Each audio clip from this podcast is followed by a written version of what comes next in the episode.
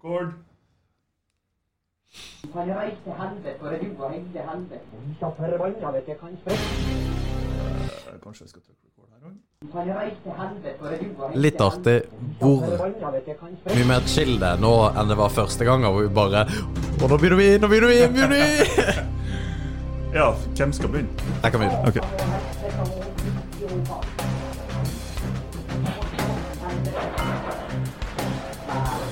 Har du peiling på hva som sier? si? vi trenger ikke å se noe. Eller vi trenger ikke å se noe. Bare være helt stille.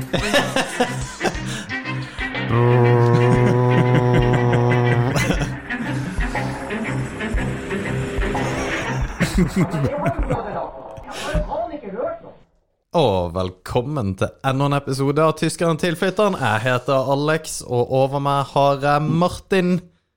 Det hørtes nesten ut som vi forventa applaus der. Ja. jo, men jeg tenkte at uh, det, det må vi kanskje forvente.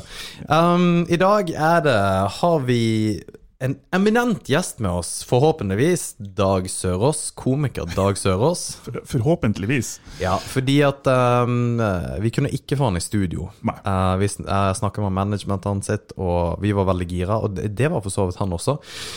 Problemet er jo at han har eh, Han er jo turnerer rundt eh, Norges land, og pga. korona så vil jo ikke de uh, ha altfor mye kontakt med folk. Det skjønner jeg veldig, veldig godt. Skjønner jeg kjempegodt. Eh, så vi skal ringe han litt seinere. Mm. Og så skal vi ha, ha et lite ja, litt intervju med han eh, der og der, og det gleder vi oss til. Ja. Men før vi setter i gang med alt det vi skal snakke om i dag, så vil jeg gjerne gi en liten shout-out til denne episodens sponsor, og det er Olsen Dekk og Felge AS igjen. Og det har jeg tenkt litt på, Martin. Mm. Fordi at her i Rana så, så er det, det er et par ting du kan sette ut, og det er et par ting du ikke kan sette ut til folk. Eller firma. Um, det å klippe gresset er helt uh, innafor å, å ha robotgressklipper eller få nabogutten på 16 til å gjøre det. Men det å måke snø, det er du nødt til å gjøre sjøl. Det er her i Rana. Jeg er 90 år og måker snø. Jeg har alltid sagt at jeg, jeg hater å skifte dekk. Okay. Og så er det en sånn greie med at det er mandig å skifte dekk. Ja. Um, Må aldri la dama di skifte dekkene for deg. nei, og, og det I er hvert fall ikke la naboen se det. Nei, det, og det er jeg enig i. Men jeg er sånn her Herregud, det, det, får, det er helt konge at noen som på en måte kan gjøre som, som er på en måte dyktig og gjør det kjapt og bare får det fiksa og satt inn, gjør det. Og så bare Men herregud, det der får du til sjøl. Ja, du får jo til å vaske opp eh, koppene dine sjøl, men du har en vaskemaskin til å ta det. Så jeg slår et slag for folk som vil at noen andre skal ta og skifte dekkene sine, og faktisk ta vare på dekkene sine, for det er jævlig viktig at dekkene er crisp og fine gjennom hele året. Nice. Noise. Noise. Få de på dekkhotell. Dra ned til uh, Olsen Dekk og Felger AS og snakk med Kim Even. Han er en kjernekar. Ja. Snakker om uh, å yte god service, og uh, ja, det finnes ikke noe annet firma på Mo som, som gjør det sånn som dem. Nei. I tillegg så har de oppe lenge. Ja. De har oppe til seks tror jeg, om kveldene. Ja. Så man slipper å fære i arbeidstida som man bestandig må på sånne ting. ja. Så det er nydelig. Men uh, denne uka som har vært, har jo vært uh, interessant. Ja, Det har jo skjedd mye. ja, det har skjedd, ja, det har skjedd mye. Er det noe Um, spesielt du tenker på? Ja, og så hater jeg å nevne det sjøl. Jeg, jeg spilte jo ball til deg, så du Ja, jeg skjønner ikke helt hva du mener. Du bare 'Å ja, hva har du gjort for noe, Alex? Har du vært på standup?' 'Ja, jeg har det. Takk Ja, for at du spør, Martin'. det var det, ja. ja. Ja, hvordan gikk det på standup? Ja, det, eh, det var Det gikk dritbra. gøy. Ja, og det, Jeg kan svare for deg. og det syns jeg faktisk er litt gøy at du sier. Ja. Fordi at når du sa det til meg på torsdag, Ja, så, så mente du det. ja, ja visst. Og, og det, det var jævlig kult, for jeg så at du det Jeg liksom, jo alltid ting jeg mener. Jeg ser Ja, aldri noe jeg ikke mener. Ja, men du kunne Ja, nei, det er sant. Det er sant. Ja, det faktisk Det har du helt rett i. Du ville aldri sagt at det var bra hvis du egentlig ikke mente det. Altså, det der var drit. Ja. Øv mer. Men det var Faen, det var skikkelig gøy, altså. Um, det gikk litt fort. Uh, jeg var litt Det sånn gikk ikke så fort. Ok, ja, men Nei, det er sweet. altså, eller det, du, snakka ikke fort, og du stressa ikke. Det var bare at du ikke hadde så lang tid. Nei, ikke sant? Men det var jo Det visste vi jo. Ja, ja. Ja, og det var jo greit. Jeg, hadde, jeg kunne jo egentlig ha brukt lengre tid hvis jeg ville, men eh, Og dette her eh, det, det, Dette sier jeg kun på podkasten, for jeg hadde et segment hvor jeg skulle snakke om eh, homoer. Ja, for jeg venta på det, skjønner du. For du sa jo til meg i forkant at 'jeg blir å si noe skikkelig drøyt'. Jeg bare Ja. ok, når kommer det, Ja. liksom? Men uh, jeg, i og med at vi var på Theatercaféen og, og, og folk som hører på, uh, disclaimer, er jo overhodet ikke homofob. Søstera mi er lesbisk. Vi, vi har hatt uh, mange homofile gjester. Jeg, jeg mener at folk skal få lov til å elske hvem du vil, og like hvem du vil, og jeg, det bryr meg ikke overhodet. Men det, det er litt gøy å bare Det er litt gøy. ja, det er litt gøy. Um, og så jeg har faktisk en historie. uh, for alle har jo en uh, Alle har jo snubla inn i en gaybar en gang. Ja. Deriblant meg. Ja, alle har jo gjort det. Og min historie er bare Den er liksom hakket kvassere enn den, den, den vanlige historien. Den hadde jeg tenkt å ta. Ok. Men uh, Og ja, på standupen, selvfølgelig. På standupen, ja. Men så fikk jeg så sjukt kalde føtter, fordi at uh, de som da jobber på teater, de er jo så er ve Veldig ofte så er de jo skeive. Um, Er de det? ja, de er, altså, det tiltrekker altså, folk som er litt utadvendte og, og litt gøy. Nå er det litt stereotypisk. Ja, det er det. det, er det. Men det, også, det, det stemmer litt òg. Det kan hende. Jeg vet ikke. Det Du må jo si ja. I'm hanging you out to dry, man.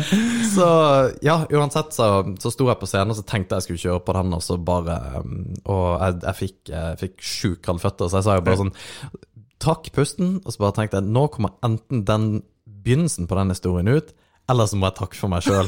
Og du takker for deg sjøl. Det er alt jeg har. Takk skal du ha. Ja, ok. Jeg ble altså så stressa, for jeg tenkte nå eh, jeg, Men det er jo sykt ulikt deg, da, egentlig. Ja, jeg vet Å bare moderere deg sjøl på den måten. Ja, og, og det Fordi at resten av det var jo egentlig ikke det overhodet. Men eh, jeg, jeg skal dra litt mer på, kjenner jeg.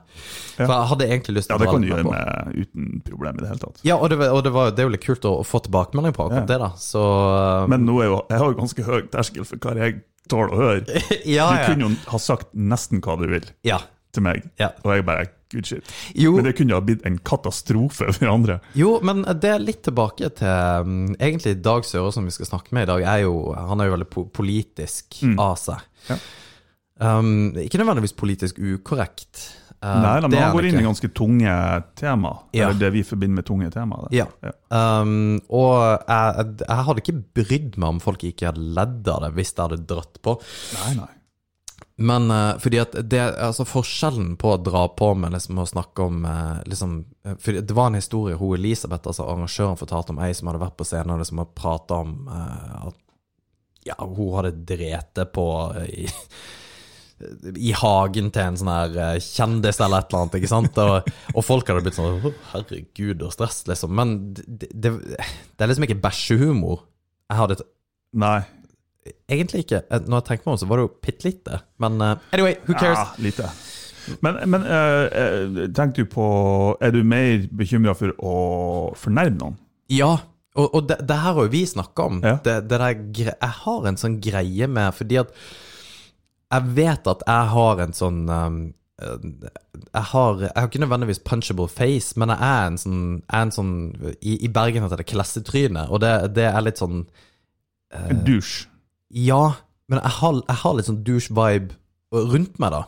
Det er så bra at du sier det sjøl. For det er, ikke, det er ikke mange som har den Jeg vil ikke si sjølinnsikt, for det vil jo bety at du faktisk har vært det. Ja. Men at du har den, det, den objektive vurderinga av deg sjøl, hvordan du kan bli oppfatta. Ja, ikke sant? Ja. Det handler jo litt om at eh, jeg er veldig på en måte Jeg litt, og Christian Sanner og på en måte tatoveringer og litt sånn ja, Altså, jeg, jeg vet at det er mange som ikke liker meg, da.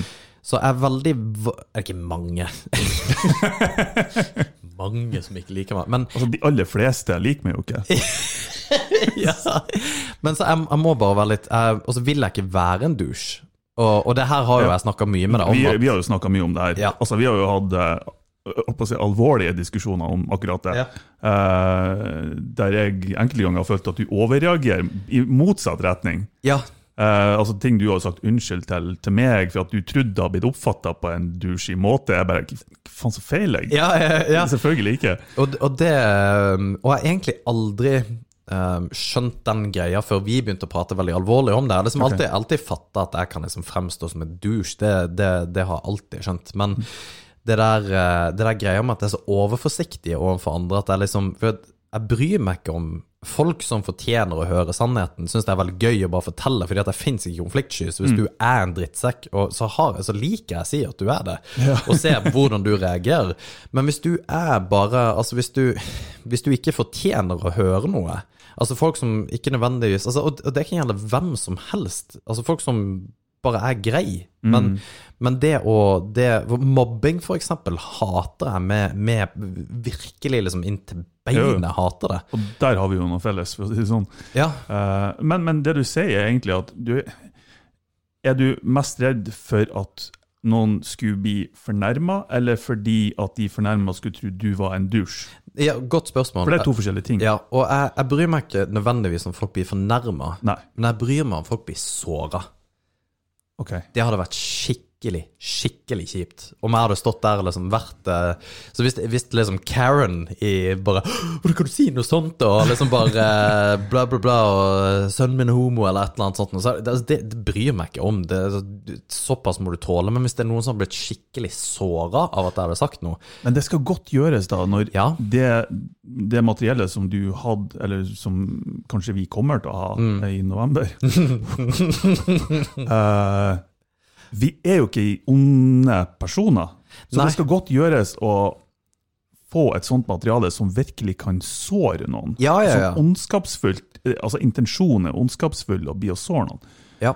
Da er det jo Altså Det kan jo hende at en vits ikke er artig, men så lenge intensjonen er at det skal være artig, så tenker jeg at da er det aller, aller meste innafor. ja det, og det tenker jeg også. Ja. Og så får vi se. Men det er klart, man ønsker jo ikke å såre noen. Selvfølgelig ikke. Det er ikke det som er målet. Nei, og, Men men målet er jo å være artig, og hvis noen blir såra underveis, så er jo det en Ja, konst... ja, fordi at uh, altså, hvis du blir sånn uh, my, my feelings were hurt, eller Ja. et eller annet sånn At du bare liksom meser, som de sier i Sverige. At du er liksom en sånn tyter. Mm. Ja. Så er du shit det sier Da blir du jo såra for alt. Ikke sant? Og, og det, det er jo mange eksempler på det, og, og standup-komikere som òg har eh, eh, tatt det opp under showet, at folk har blitt fornærma. Eh, men jeg, Jeg har ikke noe sånn konkret eksempel, men han har snakka om eh, alt ifra barnemord til voldtekt til homofil til whatever. Alle mulige kontroversielle tema. Men når man kommer til akkurat ett tema som fornærma deg, så reagerte du. Ja. Ja, alt, alt det andre var greit. Ja, ja, ja. Altså, men da er det liksom fuck off. ja fordi da er det noe galt med deg. Ikke sant? Fuck off. Hvis du kan flire til alt det andre, men ikke det som angår deg sjøl, eller som du personlig blir fornærma for, Ja. ja. men fuck off. Det er ikke noe. Nei, nei, jeg får bare dra den vitsen i november. Er du klar for november? Jeg har begynt å skrive materiell, jeg. Du har det, ja? Ja. Så kult. Å, jeg har noe Jeg er sånn Fy faen, jeg er jo dritartig. det her blir jo dritbra. Jeg kommer til å vinne alt. Det er ikke nøye om det er konkurranse eller ikke. Ja, ja fordi, at, det, fordi at det er ikke konkurranse i mitt hode. Nei, Det, det, det, Nei, det er helt fair om det er til deg. Nei, nei, men da er det ikke rett med meg. Men uh, det, det, det, jeg gleder meg til det der, altså. Det var at, du hadde sagt en gang at øh, man skulle Publikum må vurdere hvem som var best. Det sa du en på en episode. ja, og det, og det kan hende. Og hvis, altså, hvis det er linja folk vil at vi skal sette oss på, så gjør vi jo bare det. Jeg vet ikke om vi Men det er liksom eh, Hele greia med også ultraløpet var jo ikke å vinne over det. Fordi Nei, det, det er ikke poenget med på en måte det utfordret utfordre oss sjøl, er at jeg vil at vi to skal gjøre det. Mm. Og at ikke at vi to skal gjøre motvannet. For det, det, det er på en måte Det er ikke det jeg syns er gøy. Mm. Det jeg syns var jævlig gøy med torsdagen, er det å kjenne hvor inn i helvete nervøs jeg var. For der er jeg litt bekymra for det, for jeg er ikke nervøs i det hele tatt. Nei. Men jeg vet ikke om Jeg kommer jo helt sikkert til å bli det. Ja, og det, og, og det vi, vi får se, men um, jeg sa det jo til deg når du kom. Nå har jeg satt ekstremt stor pris på at du var der, Martin, fordi at det var Ja, det skulle bare mangle. Ja, fy faen. Ja. Men jeg eh, ditcha for så vidt en date med bare for å være der. Så bare ja. props til meg, altså. ja, og det sa jeg. Det sa jeg gjennom hele. Det, det skal du ha props over. Men eh, det, det var Eller date, det var et besøk, sorry. Hun hører på, så jeg kan ikke, jeg kan ikke overdrive. Men det var, det, var, det var ekstremt hvor likt det var å gå kamp. og, Ja. og stå der og vente på å gå på scenen. Det, det, var, det var så å si helt likt. Men du må forklare litt kamp, for vi har mange nye lyttere. Hva, hvordan kamp snakket om? om? Um, meg og Martin har jo eh, drevet brasiliansk jiu-jitsu sammen i mange år på Polarsirkelen kampsport, og før det så drev jeg jo på med MMA. Uh, gått, eh, ikke gått MMA-kamper, men jeg har gått kickboksing og brasiliansk jiu-jitsu. Og senest i 2018. Um, og da skal du jo faktisk slåss med et annet menneske. Mm. Um, så du står og på en måte gjør deg klar til å gå mot noen, og kamp. Og det er ekstremt sært, og du går rundt og tramper, og det er sånn Ja, nå er det to timer til Du har fortsatt glemt å skru av den. Nei, jeg har lydløs på, men alarmen trumf eh, alt sammen. Men uh, ja. Så, og det å vente på å gå over kamp, og denne nervøsitetsfølelsen du bager rundt og tenker på, at du, du slapper aldri av. Adrenalinrush Ja. hele tida. Du går anspent og engstelig. Ja, anspent anspent hele tida. Og, og det sjuke er jo at vi hadde en walkout-låt, som det heter i kampsportverdenen. At de liksom setter på en låt som du går ut på scenen på. Og det gjør du jo også i kamp. Yes. At de setter på en låt, og så går du ut på scenen. Um, men um, jeg så også på Marie, for eksempel, som ekstremt scenevant, men hun sa jo var veldig og vokal på at hun var forbanna nervøs på akkurat det her. Eh, Hvor nervøs hun faktisk var, for det var helt ekstremt Hun var kjempenervøs. Ja. Så er hun dritflink, så det er jo, det er jo helt sjukt. Men jeg greide å beholde en viss ro uh, opp mot, og det tror jeg jeg- det er fordi at uh, man har denne bakgrunnen man har, og det, og det tror jeg også du kommer til å kjenne på det. At, Ja. Du er jævla nervøs, men du godtar det bare. Ja. Det er ikke sånn at du prøver å lukke det vekk, men du godtar det bare. Det var interessant. Det, det, det, er en, eh, det er ikke en ukjent nervøsitet. Det er Nei. en litt trygghet i at du vet hva det er for noe. Ikke sant, så. Men Martin, skal vi ta og ringe eh, Dag? Vi skal ta og ringe Dag, eh, så det blir sikkert et lite brudd i sendinga. Og når dere hører oss nå snart, så har vi forhåpentligvis Dag på tråden. Yeah. Der.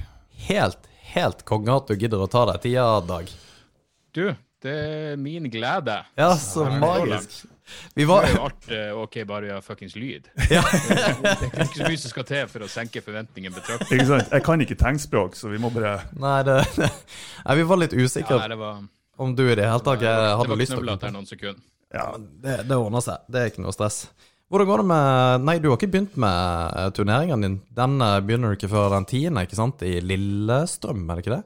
Ja, vi har liksom, vi kaller den førpremiere, men det er liksom siste testshowet. Ja, riktig. For, uh, ja, så jeg skal til Sarpsborg i morgen, der det akkurat har vært et stort jævla koronautbrudd. uh, så jeg vet da faen, det er vel et par tusen i karantene i det området. Så, men uh, show blir det. Ja, ja. Det blir ikke noe uh, kyssing og klemming og tungekyssing uh, etterpå. Ingenting. Nei, for det, det hadde jo vi gleda oss litt til. Men så, så skjønte du jo fort med manageren din at det var bare å glemme. For Ja, dessverre den, den nye normalen. Jeg vil bare ikke gjøre noen ting som kan risikere at noe kan falle tilbake på meg hvis det noe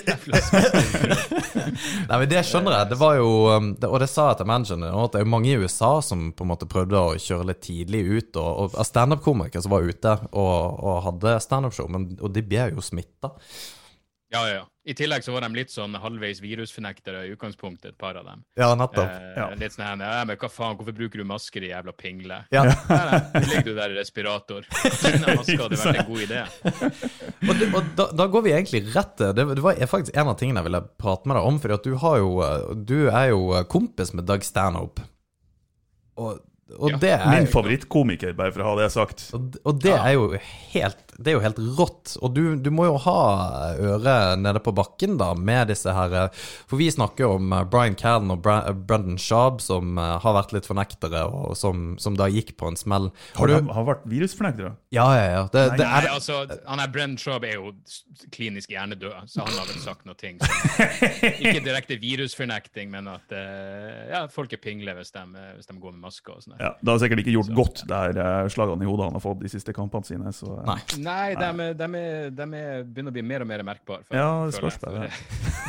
Ja, Hva faen sa han? Skulle, han hadde møtt på et par eh, som var ute og sykla, så skulle han banke dem fordi at de hadde liksom sagt at han maska fuck Ja, ja. Men uh, Hadde de sagt at han er special, var noe av det verste som er lagd. Så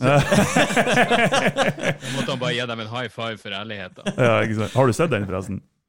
Ja, jeg, jeg, jeg så vel de første ti minuttene, og, og, og så Det forklarer litt. jeg, er det, er, det, er det jeg som er Altså, du hører liksom at Joe Rogan introduserer han, og jeg er sånn Er er det, humøret mitt i dag? Og så går jeg inn på IMDb, og den lå på sånn 1,2 eller oh! Så tenkte wow. Jeg har aldri sett noe på 1 på IMDb før, men eh, Den svir, altså. akkurat på det tidspunktet så, um, så var det han. Så ja, nei, det er helt, helt Eller, altså Han, han fikk bare ja, Han var åpenbart ikke klar, han hadde ikke nok materiale, og det han hadde, var jo grusomt. Men det er jo ganske sjukt at, at når han har så mange eh, komikervenner rundt seg, at de vet jo det her. Så hvorfor har de ikke advart han? Ja, hører du meg? Hello! Hello? Forsvant vi igjen, eller? Hallo, hallo? Helvete! Hører dere meg nå? Ja. Satan i helvete. Har vi, har vi, vi har ikke vært Jeg har ikke gjort noen ting. Ikke jeg heller. Nei, for han eh, Ja, vi hører det. Um, men hva er greia? Hvis du Deres lyd forsvant plutselig. Hva i faen kan det skyldes for noe? Um, Var det noe jeg gjorde? Kom jeg borti noe greier nå, eller? nei. Jeg har ikke vært borti noe. Og det er så typisk når man er i en samtale, og så går det til helvete. Er det faen meg mulig? Test, test, test, test. Dere hører meg, Ja. Ta, hører ikke dere. ja, ta av og på den der sounden som at han ikke hører seg sjøl. Der, for faen. Hører du meg? Dårlig kontakt der på den forpulte hodetelefonen. Jeg, jeg, håper, jeg håper ikke jeg kaster rundt meg med noe eh, upassende ord når jeg trodde at jeg ja, det er det som er. Vi har ikke lov å bannes på denne podkasten. Nei, selvfølgelig. Satan i helvete. Underlagt, underlagt de- de- den strengeste Vær varsom-plakat. Ja, faen. Nei, det Ja, nei, jeg vet ikke hvor vi Vi, vi, vi datt vel av på Brennan Shaw. Passende nok, egentlig. Nei, for greia er jo bare Altså, har du, har du mye kontakt med den, den, altså, den komikerklikken i LA og altså den gjengen der? Nei, nei, nei, inget, jeg, jeg kjenner ingen av de folkene i det hele tatt. Eh. Standup er den eneste jeg, jeg, jeg kjenner. Jeg har et par andre amerikanske komikerkompiser, men de er ikke de er ikke helt på det der nivået, eh, men også, og desto morsommere også, da. Men, eh, men ja, nei, så, eh, så eh, standup er den eneste, eneste jeg kjenner. Men jeg var, jeg, var i, eh, jeg var i LA for et par år siden og var på Comedy Store flere kvelder og så på, og det virka jævlig kul altså for et kult hus, og med liksom tre-fire forskjellige scener. og Ja. Eh, og det er inspirerende. eh, absolutt. Så Ja. eh, det er trist at det, det ser ut til å gå til helvete der nå. Eh, eller de har vel delvis åpent av og til, men eh, Ja, okay, det er ikke det går akkurat business as usual. Nei, jeg regner med at de svir ganske hardt. Jeg har faktisk vært der. Har du det? Yes, ja, for det har kunne det. jeg tenkt meg. Jeg har, jeg har et par plasser jeg kunne tenkt meg å dratt faktisk i LA. Er The Troubadour, uh, Whisky Go Go og Comedy Ja. Store. Jepp. Ja. Jeg fikk, fikk drukket alle de plassene, tror jeg. Ja, du gjorde det, ja? Vi har samme, vi har samme smak. Ja, for det, det er altså the holy grail. Det Whisky Go Go er liksom Iallfall det, det, det er mitt mekka. Det kunne jeg tenkt meg å, å, å dratt, altså. Det, er Det det var der vi hadde den, den sykeste, jeg og han kompisen min som jeg var i lag med, den sykeste tilfeldigheten at vi var på det der uh, Viper Room. Ja. Ja. Og så begynte vi plutselig på Var ikke der han er fuckings River Phoenix daua? Og så var det på den dagen Nei. vi var der for gud vet 20 år siden. What? Men det var bare en så jævla syk tilfeldighet. jeg håper ingen tror at vi var innom kun for den grunn. Ja.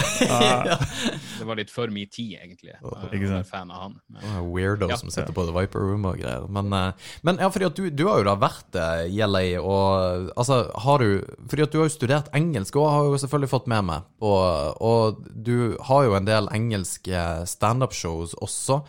Um, kunne du tenkt deg å gjort mer av det? Mer engelsk standup? Ja, altså jeg, jeg har ikke så mye anger her i livet, men jeg angrer litt på at jeg aldri hadde tiltak nok til å prøve å få gjort noe. Eh, stått på scenen i USA. Jeg fikk jo stå på det, det minste rommet på Comedy Store, eh, men det var jo ti minutter på eh, det de kaller urban night, eh, så min humor falt ikke helt i smak. Eh, Ok. Hva, hva vil det si? Eh, Urban Night? Nei, det betyr eh, Altså, i USA så er de så fortsatt så jævla eh, hva på å si, hudfargeinndelt. Ja, urban sant. night betydde bare at alle komikerne var svarte, og alle i publikum var svarte. Okay. Eh, og det virka som eh, Du har jo den klassiske Du har jo The Apollo i New York, Ja. som er en sånn eh, klassisk klubb hvor, hvor, hvor, eh, liksom, hvor svarte komikere slo seg opp, og det ble liksom en sånn plass for, for dem når det var litt mer segregert. Og så virker det som om, På samme måte som de deler inn po eh, porno i fuckings eh, Big Black Cock og Interracial og alt det der, så er det tydeligvis viss, så er det tydeligvis en viss inndeling akkurat når det kommer til det der. Jeg mener, altså I det store og det hele så er det ingen, ingen som bryr seg om hvilken hudfarge du har, men det er liksom enkelte kvelder. Ja. Um, så, eh, så jeg falt jo uh, totalt igjennom. Men det var jo kult å ha stått på den scenen. Men, uh, men ja, nei, altså jeg gjorde en del i England, uh, for, men nå begynner det jo faen meg å bli en åtte-ti år siden, Mm. Uh, når jeg hadde en, en manager der som var ja, altså, han, var jo gal, først og fremst, og det er jo alltid en fordel. Og, og lø- sånn skamløs på å lyge. Altså, han solgte meg inn som om jeg solgte ut arena i Norge, og det var bare bullshit. Men han fikk meg jo en del kule jobber av den grunn. Jo, funket ikke? Uh, ja, det, det, det funka jo Ja. å lyge. Uh, men sist gang jeg gjorde noe i England, var vel eh, ja, det var vel med, med standup, og det var jo sånn svære show på Hammersmith og Brixton Academy og sånn. Men jeg har ikke gjort noe, noe mer etter det, dessverre. Og jo eldre jeg blir, jo større tiltak er det jo. Eh, og så er det kje- kjedelig å dra over alene. Man må nesten ha med seg noen som, som er interessert i det samme. Men eh, sant? eller som er interessert i å prøve det samme. Men så, jeg vet da faen. Det, har- fart litt, uh, fart litt av det der. Uh, var- var det pga. manage? nå når alt Hæ? Eh, var det pga. bytte av manager som gjorde at du på en måte avslutta den delen, eller var det, var det andre årsaker? Ja, nei, han hadde jo han hadde jo ikke så mye skam i livet, men til slutt så hadde han skam nok til å daue. Og da var det liksom vanskelig å finne, det var vanskelig å finne noen, eh, noen nye. Um, så det, det falt igjennom av, av den grunn. Og grunnen til at jeg i det hele tatt prøvde meg i England, var en, en svensk kompis som, som heter Magnus Betnér, som liksom har han, altså han begynte å gjøre show i, i, i England fordi han hadde gjort alt han kunne drømt om i Sverige. Eh, og så ble liksom jeg dratt med, som ikke hadde slått igjennom på noen måte en gang i mitt eget land. Og så ble jeg liksom med på lasset og fola med han. Uh, men det var jævlig gøy, og eh, ja, jeg har lært mer av å standup i Storbritannia enn en enn noe annet, vil jeg tørre å påstå. For det er jo, du blir jo faen meg så nervøs at det er jo som å starte helt på nytt igjen. Oh, ja. Men så får jeg brukt den jævla engelske det, kan jeg, det er eneste måten jeg kan forsvare studielånet mitt på. At jeg har gjort litt standup i England. Ja, men hva, hva var det som gjorde at du på en måte lærte noe? Altså, hva var du lærer av å, å gjøre det på engelsk? Bortsett fra at det er et annet Nei, språk. altså det, det, jeg, vet- jeg vet altså Engelsk er jo et eh, For det første ser er det jo en, en helt annen et helt, altså et helt annet press, både fordi altså For det første, publikum i England har jo litt annet altså det, De har jo mye eh, lavere terskel for å hekle det. Og da må du jo kunne svare et eller annet. Så jeg lærte jo at du kan ikke bare stå der og, og ha noe innøvd materiale. Du må jo klare å svare et eller annet hvis noen eh, drapstruer deg eller eh, skal by deg på en drink eller et eller annet. Men eh, jeg, jeg gjorde en sånn festival på eh, Fringe-festivalen, og da gikk det cirka hvor du liksom gjør show hver kveld, gjør en time hver kveld. Og etter ei uke så føltes det som å gjøre det på norsk. I forstand av at hvis det skjedde noe på veien, så kunne jeg prate om det. Eh, ja, hvis det skjedde noe på veien til showet, så kunne jeg Mm. åpne med å prate om det, akkurat som, som jeg gjør, gjør hjemme. Uh, men, uh, men ja, nei, altså, jeg lærte å takle press på en helt annen måte. Eh, og eh, ja, jeg hadde liksom, når jeg kom tilbake fra Fringe-festivalen, så forsvant egentlig det aller aller meste av nerver før jeg går på scenen. For jeg tenkte, hvis jeg klarer å, jeg klarer å stå i 70 minutter foran fire folk fra Wales som hater meg hele sitt hjerte, men nekter å gå selv om jeg tilbyr dem det dobbelte av det de betalte hvis de bare forlater, eh, insisterte på at jeg skulle gjøre showet, eh, så, så, så, ja, så er det det meste er egentlig overkommelig. Altså, Rana Når blir du skal ikke gjøre- Unnskyld? Rana, Rana blir ikke noe stress etter å nesten slåss med noen gutter fra Wales. Nei, altså, men det, er, det, altså, det vil jo selvfølgelig være litt Det er jo premiere og alt det der, og, og liksom når du drar ditt eget publikum, så håper du at du ikke skal skuffe dem, og, og sånne ting er jo fortsatt Men det er jo et sunt press. En sånn meningsløs nervøsitet hvor jeg liksom går hele dagen og tenker på Jeg vet ikke. Det, det gjorde et eller annet med I hvert fall for meg så, så funka det til å fjerne Og det ga meg en ro på scenen som eh, ja, som, som jeg egentlig ikke tror jeg kunne fått på noen annen måte enn enn akkurat det der. Du, du har jo vært på Mo eh, tidligere, har du ikke det? Uh, Ja. ja. Eh, hvordan det noe, har du noe å si om publikum her? Er de, er de bra dårlige? Hvordan, du må jo si at de er bra nå, selvfølgelig. Det Jo, men altså, det er jo, det er jo en grunn til at jeg har premierer der. Ikke sant? Eh, Det har jo blitt en tradisjon for meg å ha, show, å ha premierer i Nord-Norge. fordi altså, Jeg er ikke noen sånn utprega Nord-Norge-patriot, men, men den, hele den landsdelen vil jo alltid ha en varm plass i hjertet mitt. Og det var liksom der humoren min ble først uh, akseptert. Eh, forståelig nok, selv om jeg var utflytta. Og eh, jeg husker jo første gangen jeg skulle Første gangen jeg hadde show på Mo, var i 2012. Første gangen jeg satte opp et soloshow. Og var jævlig usikker på eh, var jævlig usikker på om, om det ble å komme folk. Og jeg husker, Da gjorde jeg det der Kulturhuset De der kukene er jo et kapittel for seg sjøl. Men, eh, men da, var, da, da, eh, da, var de sånn Nei, da, skulle jeg gjøre med det samme du kommer inn på Kulturhuset. Altså, ikke den scenen, men ute i eh, kan man kalle det aulaen, altså der det er en bar. Eh, Med det samme du kommer inn, der rigga de til ei scene. Jeg vet da faen hvor mange det var plass til. Og de var sånn Vel, vi har ikke noe tro på at det kommer folk. De var ærlige der. Eh, Så eh, dere kan bare få en ren døravtale hvor dere får pengene for billettene dere selger, og så får vi barn. Eh, Og så endte det opp med å bli to utsolgte show, som var helt nydelig. Jeg, skulle, jeg hadde lyst til å være der når manageren ringte for å spørre dem hvor mye de skulle fakturere. fordi ja, de hadde tjent så jævlig mye bedre på å bare ha en, en fastpris på det. Men, men uansett, eh, fra da av så har jo liksom Mo en varm plass i hjertet mitt, bare fordi jeg alltid kommer til å huske den historien. Og så har jeg kommet tilbake med alle showene, og det har bestandig vært, eh, vært fullt hus. Så, eh, og, og publikum har vært perfekt. og så det eneste jeg kommer til å savne litt denne gangen, er jo det der å gå ut og drikke etterpå, for det er jo alltid en interessant opplevelse. Og av en eller annen grunn så har jeg sånn inntrykk av at damen på Mo var så jævla beinhard. Altså, jeg, jeg, jeg, alle mine halvminner av å være på fylla på Mo, så er det bestandig damen som har kontroll. Og hvis typen sier et eller annet tåpelig, så tar de tak i nakken på dem og sier 'må du skjerpe, skjerpe deg'. Så det er en sånn hardhet eh, i folket der som jeg, som jeg liker veldig godt, og spesielt i damen, eh, som, som bare appellerte veldig til meg. Eh, og, så, eh, ja, så fant vi jo noe Jeg husker ikke hva de heter, men det er vel to puber som vi har eh, pleid å gå ut på, gå ut på der. Så eh, ja, nei, jeg er bestandig jeg er kun gode minner derifra, og håper jo å fortsette på, eh, med akkurat den. Harde damer, det, det er konge. Jeg vet ikke om jeg skal si det til min kone. Jeg er jo tilflytter her, som du hører, Dag. Ja. Og, og du, er, du har jo hatt show litt rundt omkring i Norge, og du, du sier at eh, Nord-Norge på en måte Du, du er ikke en Nord-Norge-patriot eh, per se, men det, humoren din er jo jeg gjør, jeg gjør ikke noe eh, det ikke noe, jeg gjør ikke noe stort poeng Nei. ut av hvor jeg kommer ifra. Men har du Fordi at du, du har jo hatt show i Kristiansand også. Ja, hvordan, har, hvordan har det vært? For kristiansandere er jo dyppa i lim. Altså, det, det, det, det er jo Det er kun han som har lov å si det. et ekstremt treigt eh, folkeslag. Um, Ja, ja, nei, altså, jeg, jeg, jeg syns det har vært helt, helt fortreffelig. Jeg mener, det blir jo faen meg en klisjé å si at, at man lærer at folk er folk, men særlig sånn som i Kristiansand. fordi da må du jo huske på, ja, som du muligens vet, så er det jo Du vokser opp i den, den, den treige jævla kulturen der, men, men de, de, folkene som da kommer for å som, som, som min humor appellerer til, de er jo Det er sånn jeg pleide å prate om. ja, hvordan er det eh, jeg husker jeg var ute i Karmøy, som er enda mer religiøst. Liksom. Jeg pleide jo å si at Kristiansand må være den eneste delen av bibelbelte som du kan bruke til noe annet enn å henge deg sjøl. Fordi det har noe gående for seg. Men når du er ute i sånn Karmøy, der det virkelig er fuckings Det er det ordentlige bibelbeltet. Ja. Ja, det kom ikke så mye folk for å se meg, men helvete, de som kom, var glad for å se meg. Det er jo mer det der fundamentalistiske faenskapet på kroppen, eh, på kroppen hele tida. Jeg tror folk i, i Kristiansand er ganske bevisst på det imaget de har ute, og kanskje går inn for å motbevise det. Og så har jeg vært veldig mye på, på østsida, hvor det da er studenter. Der du ser ikke folk fra, fra hele Norge.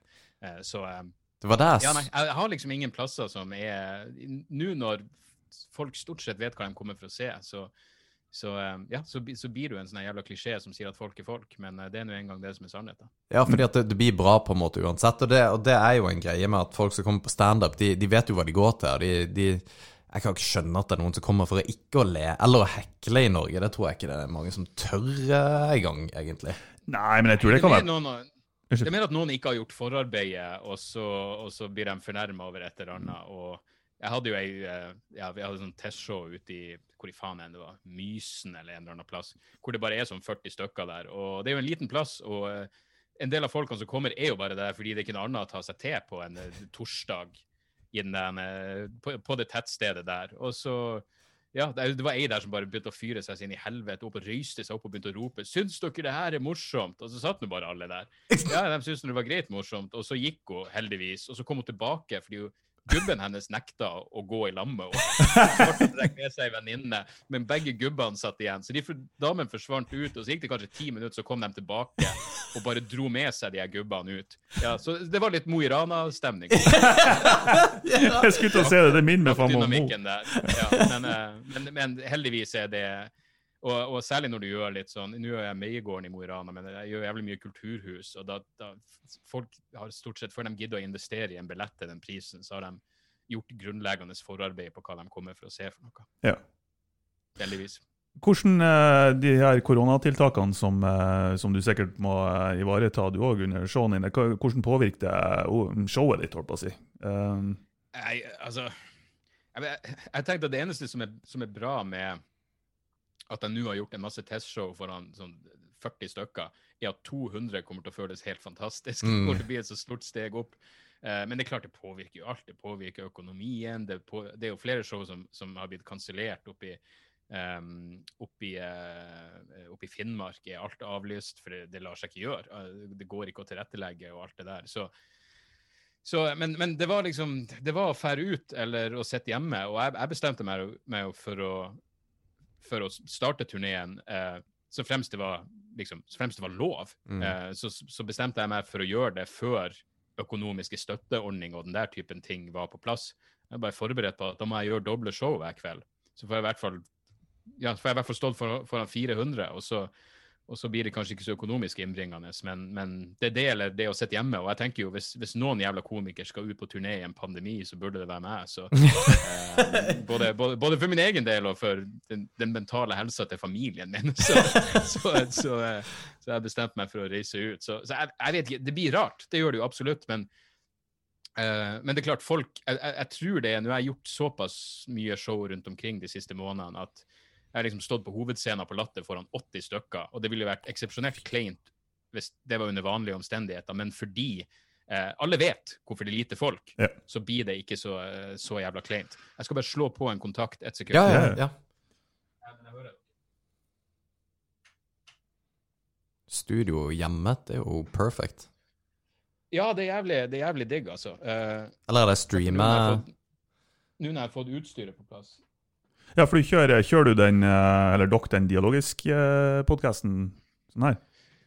Ja, jeg gjør den bare den hjemmefra. Stort sett. Altså, vi treffes i studio av og til hvis vi Hvis det skulle være noe spesielt, eller hvis vi har en Men vi har gjort det også med flere gjester. Så det, det funker, det vi begynner å bli vant til. Det, det er jo et eller annet med timinga som ikke blir helt optimal. Mm. Men, uh, Ja. Men, eh, men den, den, sånn det er. Vi, vi, vi har tenkt litt på det, for du er òg første eksterngjesten vi har, holdt på å si. Uh, men vi har jo òg fått uh, eget studio og, og greier, så vi er storfornøyd med det. Men uh, ja, Ja. Det, det er et eller annet med timinga som kanskje ikke er helt der, men jeg syns det Jeg syns dette her funka altså, ti ganger bedre Ja. enn jeg trodde det kom til å være. Så Ja, det, absolutt. men det, det har jo et eller annet med å kunne prate og, og på en måte svare for seg. Da. Det er jo, du er jo kjent med det. Ja, uh, hvor, hvor mange show har du nå på den turneen som, uh, som du skal ut på? Uh, faen, altså Nå har jeg mista helt oversikten, fordi noe er kansellert og noe er lagt til. Men jeg, jeg prøver bare å tenke. Alt jeg vet, er at jeg har det noe for rett utfor vinduet, selvfølgelig. Male eller et eller annet. Det er bare- det er bare krydder. Det er bare krydder på Og jeg vet han er polakk jeg prater med. Noe generelle Nei, eh, så, så jeg, jeg, alt jeg forholder meg til, er at jeg skal til Mo i Rana nå til helga, og så skal jeg til Bodø og Tromsø helga etter, skal jeg til Trøndelag helga etter der, og så skal jeg til Lofoten, og etter det Jeg vet da faen. Jeg har noen greier her nede i Oslo-området. Eh, Bergen, Bergen, Oslo, Hamar. Eh, men, men ting forandrer seg så jævlig fort. Jeg mener, Man risikerer jo hvor enn man skal. at Plutselig skjer det et jævla utbrudd, Mm. og så plutselig har de bare lov til å ha 20 stykker. Uh, så jeg må nesten bare ta det ei helg i slengen. Uh, Nå er jeg klar for Mo, og så fremst det ikke skjer noe, noe jævlig kjipt Fremst ikke ei eller religiøs forsamling på Mo har hatt svære jævla fester, og smitten sprer seg. Så, så um, men, men det- ja, det, men som sagt, det er jo plutselig en hel måned som ble kansellert. Uh, og det er jo kjipt, men det er ikke så jævla mye å gjøre med det. Så uh, jeg liker jo å ha ting på stell og vite hva jeg har å forholde meg til liksom fremover, når, når man først setter i gang. Men uh, der får man bare ta ja, helg for helg. Jeg tenker det er viktig å være aktiv òg, da. Og, på en måte være ute der og stå på scenen uansett. Men er folk mer betalingsvillige? For det burde man jo være, egentlig, for at man i det hele tatt får show. For folk kunne jo sittet på ræva og ikke gjort en dritt, men eh, det er jo jævlig kult at man da gjør det. Ja, altså, jeg, jeg jeg er jo fortsatt ikke helt sikker på om folk er like villige til å dra ut og se et show. Fordi nå er det jo bare 200 per forestilling, så det å selge ut det er jo ikke Altså, det regner jeg bare nesten, eh, nesten ned at jeg, at jeg burde gjøre, eh, liksom basert på, på hva man har solgt tidligere. Så, så jeg vet ikke om folk er eh, Ja, altså, det skulle ikke forundre meg om folk er litt mer skeptiske. Det er klart, sånn som i Sarpsborg, ja, det blir nå hva enn de kan ta inn 50 stykker. Mm. De billettene er, er solgt, men, men um, det er forståelig nok sikkert en del folk som kvier seg litt mer for å um, for å gå ut. Og, og det er mange komikere som avlyste showene sine, eh, som skulle på turné nå i, i høst. Eh, og jeg, jeg, jeg, tenkte jo på det, jeg også, men da tenkte jeg for det første skal jeg bare sitte her og ikke gjøre noe. Det kommer til å bli dypt jævla deprimerende. Jeg kommer til å bli liksom eh, ja, Jack Nicholson i The Shining, bare jeg spiller med familien min. Eh, og, og, og, i tillegg, da, hvis jeg skulle vente til, til neste år Fy faen, hvor mye press det kommer til å bli. Ja. Og jeg mener, se for deg når det nå enn åpner opp, hvor, hvor band også kan begynne å turnere igjen. Eh, hvis man tør å tenke så langt frem. Det kommer til å bli jævlig mye som foregår samtidig. Ja. Så jeg tenkte jeg må bare utnytte at eh, jeg har en enkel produksjon. Jeg mener, Noen komikere har jo en jævla de må jo faen meg med seg lastebiler, for de skal ha en jævla 4K-skjerm på, på, bak av scenen, og, og det er tek, det er regissører, altså og tekstforfattere, faen vet. Jeg har ingenting sånt. Jeg har ingen tekstforfattere, jeg har ingen regissør. Det er meg og lydmannen Steven som reiser rundt. akkurat vi har med oss, i en liten gobo og en mikrofon og en flaske vodka. Så, så, så vi, vi har en jævla billig produksjon, og da, og da, lar, seg, da lar det seg faktisk gjøre å, å få det her til å gå rundt. Men jeg har jo hørt det. det. Jeg har jo hørt det at altså, folk som turnerer og artister og sånt, de har jo alltid Jeg husker ikke hva det heter, men det de skal ha på backstagen Ja, nei, jeg skal, ja, jeg skal kun ha gule M&M's eller et eller annet. Har, har du noe sånn sjuke eh, greier? Nei, du, jeg, jeg så, der er jeg totalt eh, Der er jeg så enkel å ha med å gjøre at, det- at det Hva faen har jeg for noe? Jeg, har, eh, jeg, jeg hadde en turné hvor jeg hadde um, en, liter lite vodka og så noen isbiter og blandevann, og det var det hele. Men det endte jo opp med at da drakk jeg en lite vodka hver kveld, og det, det gjorde seg ikke i lengden. Så det jeg tenker nå, er jeg har, jeg har en flaske vin, jeg har seks øl, og så har jeg blandevann, så jeg kan ta med min egen vodka. Men da er det ikke det der eh, da må jeg, jeg må gjøre en liten ekstra, ekstra innsats for å få spriten. Og utenom det så er det vel et eple og en banan, kanskje. Men jeg, jeg har aldri forstått det der eh, eh, Jeg tror det er fordi band ofte eh, liksom Mye erf erfaringer med Jeg, jeg, ja, jeg, var, var oppvarmer for Kvelertaket et, år, Oi, og da var jeg jo med på bussen. og da da skjønte jeg at det livet de lever, ganske annerledes. For da kommer du frem til venuen klokka tolv på formiddagen, og så skal du henge der til show, eh, showtime. Eh, for meg er det jo ikke sånn. Jeg bor på et hotell, så jeg kommer ikke backstage for å sette meg og spise godteri og kose meg. Jeg dukker opp der kortest mulig tid før showet begynner, og så er det å ja, ta meg en drink og prøve å gå over settlista i hodet mitt, og så er det på han. Så, så jeg har virkelig ikke noe, noe veldig store krav der. Det viktigste er at de skaffer det som står der, og is. Isbiter er Ja. det aller, aller viktigste. For drinken sin del, da. Eh, Ja. Hæ? For drinken sin del. ja. Ja. Ja, ja. Men altså, åssen er- er livet på on road, da? Fordi at det, det blir jo sikkert mye, mye drikking og, og, og greier. Ja, eh, så det er jeg også litt spent på nå, når alt stenger klokka tolv. Eh, Jeg mener, Når jeg har doble forestillinger, så er jo ikke jeg ferdig før i ja, La oss si jeg kommer meg ut fra venuen i ellevetida, ting stenger tolv. Så eh, det kommer jo sikkert til å skjære litt inn på akkurat det. Så, Men jeg vet ikke, altså det er jo jeg og jeg har jo med meg en lydmann som jeg liker. Altså jeg har jo med meg en lydmann først og fremst bare fordi jeg trenger, jeg trenger å ha noen med meg. Ja. det, det er liksom um, Han er like mye mental støtte og han fikser jo selvfølgelig det praktiske og alt det der, men så er han jo en kompis, først og fremst. Og, og, ja, noen å, å ta et glass med etterpå, eller både før, under og etter showet. Og, ehm, men, men utenom det så er det jo altså, Tida går jævlig fort. for Vanligvis så kommer du jo frem til der du skal ha show samme dagen. Så sjekker du inn på hotellet og kuker litt rundt, og så er det soundcheck, og så er det middag, og så er det show. Og så nå kommer det til å være to show hver kveld, Mm. eh, stort sett. Eh, og da er klokka elleve. Og da er en gammel mann jeg må ha lov til å bare da tenke ja ja, da tar vi, eh, da tar vi en drink i hotellbaren, og, og, og så er det kveld. Ja, det er. Vi får se. vi får se. Det blir ikke noe, det blir ikke noe, det blir ikke noe grottefest på meg. ja, for det er det jo mye av her på Mo. Altså bare apropos grott- Grottefester. Nei, grotter. Altså Hvis man ville hatt en fest. Jeg bare tenkte på det. Det, Ja. det er ikke at det skulle være Ja. noe. Ja, nei, jeg mente grottefest, ja. Ja, ja.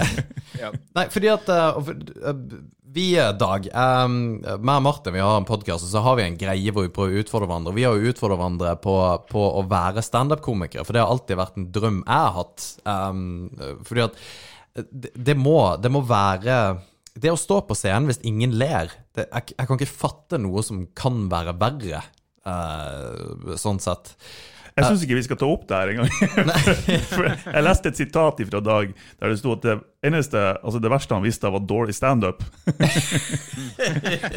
så eh, ja, så kanskje ikke si noe om det i det hele tatt, nei. Men eh, nei, at det, det er Jeg, jeg kasta meg på på torsdag for første gang, var, var standup forrige torsdag, og da spurte jeg de andre som var komikere, de hadde jo gjort det litt, om de drakk før de gikk på scenen, og de var nei, det, det gjorde man ikke. Men, det, men det, det, det kjente jeg at Herregud, det måtte jeg jo gjøre. Men uh, hva tenker du om det? Det kan, altså, en, en hver, for, altså, hver sin smak. Ja. Jeg har bestandig drukket før jeg går på scenen. Jeg kan faen meg telle på ei hånd de gangene jeg går på scenen uten å drikke. Ja. Eh, Det eneste er når det er firmajobber og den der type ting, så, så er det sjelden alkohol involvert. fordi da føles det virkelig som en jobb-jobb. Eh, men altså, det, det er like tåpelig å si at man ikke skal drikke før man går på scenen, som om jeg skulle si at du må drikke før du går på scenen. Ja. Det må du finne ut av sjøl. Noen, eh, noen, noen takler ikke det og, og blir sløv og klarer ikke å tenke. Jeg klarer å tenke mens jeg drikker. Eh, Jeg har god trening. Så, eh, så det har bestandig funka for meg. Men først og fremst for meg så, så handler det om å eh, si, jeg, jeg sier bestandig 'kom ut av sitt eget hode, men å ikke være så jævla selv, selv, fokusert på det man holder på med. Altså De beste showene er jo når du glemmer av hva faen du holder på med, og alt bare flyter, og du snakker uten å egentlig tenke. Uh, og der hjelper alkohol for meg, men uh, det gjelder selvfølgelig ikke for alle. Så uh, der må man bare prøve å feile. Og gudene skal vite at jeg har feila også. Men nå har jeg ganske god kontroll på, på hvor mye jeg kan ta inn før jeg går på scenen. Og går det til helvete, så ja, da har jeg bare meg sjøl å skylde. det er ikke den hele flaske vodkaen som skal inn før scenen. Nei, altså jeg, jeg pleide å være enda feitere før, så, og da merka jeg jo at når, etter at jeg slanka meg, så tåler du jævlig mye mindre. Uh, jeg gikk og jeg drev og så gjennom noen sånne gamle bilder fra ja, sånn 2010-show, og da er jeg på et eller annet studentersamfunn hvor jeg har tolv tomme flasker med sånn so, uh, Hva er det, Soul? Den øla der. Ja. Den er, det er jo greit at den øla er lettdrikkelig, men hvordan i faen jeg klarte å kvele ned på tolv flasker uten å pisse, er jo mildt sagt imponerende. Ting kan tyde på at jeg var dehydrert i utgangspunktet, men eh, men nå har jeg vanligvis med meg en ei pils og en drink, og så satser jeg på at det holder. Og de gangene det ikke holder, så er det jo fordi jeg koser meg ekstra mye, og da trenger jeg bare å rope på, på Steven, og så. Og Steven skulle jo vært med Ja, på det. alle skulle hatt den Steven. Ja, Steven er kjernekar, eh, virkelig. Jeg glemmer det. Kanskje vi får truffet han i helga. Du, eh, eh, Dag, jeg, jeg har, du, du må komme med din ærlige mening. For, for det han Alex nevnte her i stad om at vi skal ha standup-show Standup i gåseøya, vel å merke. ja, ja. Det, det er jo et forsøk på å latterliggjøre oss sjøl, egentlig. Mer. Eh, han har jo fått meg med på ultramaraton tidligere, uten å ha hatt eh, erfaring med å sprenge i det hele tatt. Så vi har sprunget over Saltfjellet, og det gikk jo kjempebra. Jeg endte opp på sykehus. og så det neste nå, da, istedenfor liksom det fysiske, så er det det psykiske. At eh, vi skal utfordre oss eh, på scenen. da. Eh, hva tenker du egentlig om det? Er det en god, det en god idé eller ikke? Nei, altså, det, det kommer jo helt an på. Hvis drømmen din er å bli standup-komiker, så kan det jo bli, eh, bli smertefullt. Hvor jeg altså, jeg, men hvis du bare tar det som ei utfordring, og det her skal jeg bare gjøre én gang Jeg husker første gangen jeg gjorde standup, så var det en fyr eh, Det var en sånn nykommerkveld i Trondheim, og da var det en fyr der som tydeligvis eh, kun gjorde det på, på rent kødd. Han var en ganske sånn eh, kjekkas-type i utgangspunktet, som gjør at jeg hadde, jeg hadde en dårlig vibe på han fra, Mm. fra første øyeblikk. Men jeg tror halvparten av de som kom for å se på det showet, var hans venner. Og så hadde han kun internvitser, oh. så de flirte. Og når han var ferdig, så gikk alle dem. Eh, som var lite solidarisk i forhold til de andre komikerne som faktisk var der fordi de hadde lyst til å følge en drøm eller et eller annet. Men, eh, men, men igjen, det kommer jo an på. Eh, altså Hvis du skal gjøre det på den måten det høres ut som, så er det jo bare å invitere alle du kjenner. Eh, hvis du skal gjøre det fordi du tenker at det her er noe du har lyst til å se om du har lyst til å fortsette å gjøre, så vil jeg faen ikke invitere noen jeg kjenner. Nei. Da da er det best å ikke ha noen du kjenner til stede, vil jeg tro. Eh, men det går jo mot det jeg sjøl gjorde. Jeg hadde jo med meg et par stykker. Men det er også folk du må være komfortabel med å se i øynene etter at du har eh, ja, virkelig eh, ja. konsumert ditt eget rasshold på scenen. Men det kan jo bra også. Forhåpentligvis har jo de fleste en forståelse for at det er første gangen dere gjør det her. Og det kommer jo an på settinga også. Skal dere Ja. sette opp et eget show kun for det her, så blir det vel en annen stemning enn hvis det er Er det noe standup-miljø på, på Moa? Er det noe klubbkvelder. Ja, det, det er det. Um, det er standup Helgeland, og de har akkurat begynt. De, de var faktisk et år gammelt her forrige uke, og vi, uh, vi under podkasten prater med Marie Langfjell, da, som er lokalt standup-komiker. Og det var det vi okay. fikk uh, ideen med at vi um, uh, Jeg spurte bare Det ble spilt inn på en onsdag, og, og standup-kvelden var på torsdag, det var forrige uke, så jeg, jeg spurte bare right out the bat om Ja, kunne det vært kult og, og, om vi hadde prøvd oss, og det var jo for å, å teste. Men det, det, det kommer også fra en genuin plass og på en måte kjenne litt på det å stå på scenen og få folk til å le. Fordi at, og, og det jeg har litt lyst til å høre med deg om. Hva, hva, hva er det du uh, for, Fordi at du gjør jo dette på fulltid, dette er jobben din. Hva, hva er det som gjør at du har lyst til å gjøre det på fulltid? Hva er det som trigger deg? Nei, altså, det som trigger meg, vel, var vel det, altså, det, og det blir dere jo å merke, forhåpentligvis, er jo at når folk Når det går bra, så er det faen meg et rush som er, som er vanskelig å, å matche. Og det har jo selvfølgelig avtatt betraktelig etter hvert som man blir vant til å gjøre det. Men, men, men et bra show gjør, gjør jo fortsatt en, en høydere, eh, altså en følelse av eh, faen hva man skal kalle det. Jeg holdt på å si mestring, men det var noe å ta hardt i. Men en god følelse. Eh, og så er det jo, Jeg liker det fordi det er en helt jævla absurd måte å leve på. Du sitter og tenker ting i ditt eget hode. Mm. Men for meg så passer det så jævlig bra, fordi jeg, jeg er glad i å eh, tilegne meg kunnskap, for å si det pompøst, og så prøve å gjøre hva en slags grusomt faenskap jeg har lært noe om, om til vitser. Uh, så for, meg nå så er det så selvfølgelig at uh, ja, hvis du får det til å funke, det kommer selvfølgelig an på hvilken stil du har, men for meg så er det jo sånn at uansett hva som skjer i livet mitt, så, så går det maks fem sekunder, og så tenker jeg ah, OK, det her kan jeg muligens gjøre om til noe. Mm. Og det kan være grusomme ting, eller det kan være hyggelige ting, eller det kan være trivielle ting. Mm. Men, uh, men i den forstand så, så er det jo bestandig på jobb, i, i, i forstand av at alt, alt kan, bli, eh, kan bli materiale. Men hvis jeg skal være 100 ærlig, så er det jo det at du kan ha en jobb uten å ha noe jævla arbeidsmoral. Jeg mener, Det er jo det som er det mest fantastiske. Og ingen andre å forholde seg til, ingen som kan si hva du skal gjøre for noe.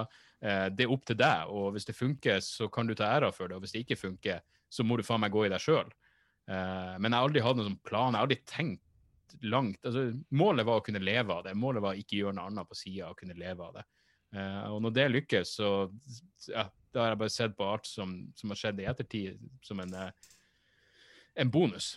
Virkelig.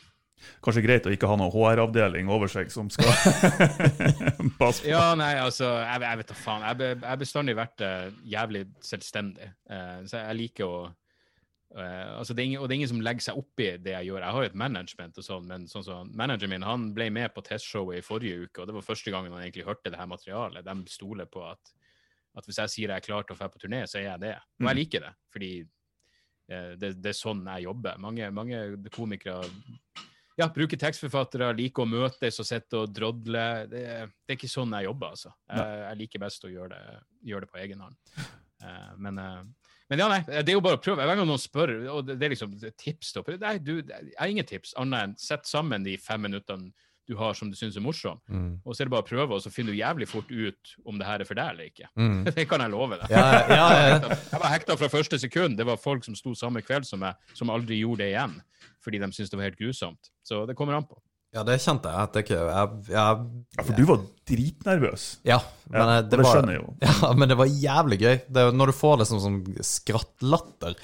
Jeg, jeg misforsto. Du sto i forrige uke. Ja, Du skal ikke stå. Ah, OK. Nei, Jo, men da- vi skal da- stå òg, faktisk. Vi, det, det, det, litt mer gjennomførte opplegget kommer i november. Ja, Eh, for jeg tok det litt på sparket forrige uke, bare. Bare, bare for liksom å teste. Men vi, vi har et opplegg som vi skal kjøre, vi to. Eh, men så, så kjørte jeg òg standup for, forrige helg, på fem Det var jo fem minutter, som du sier.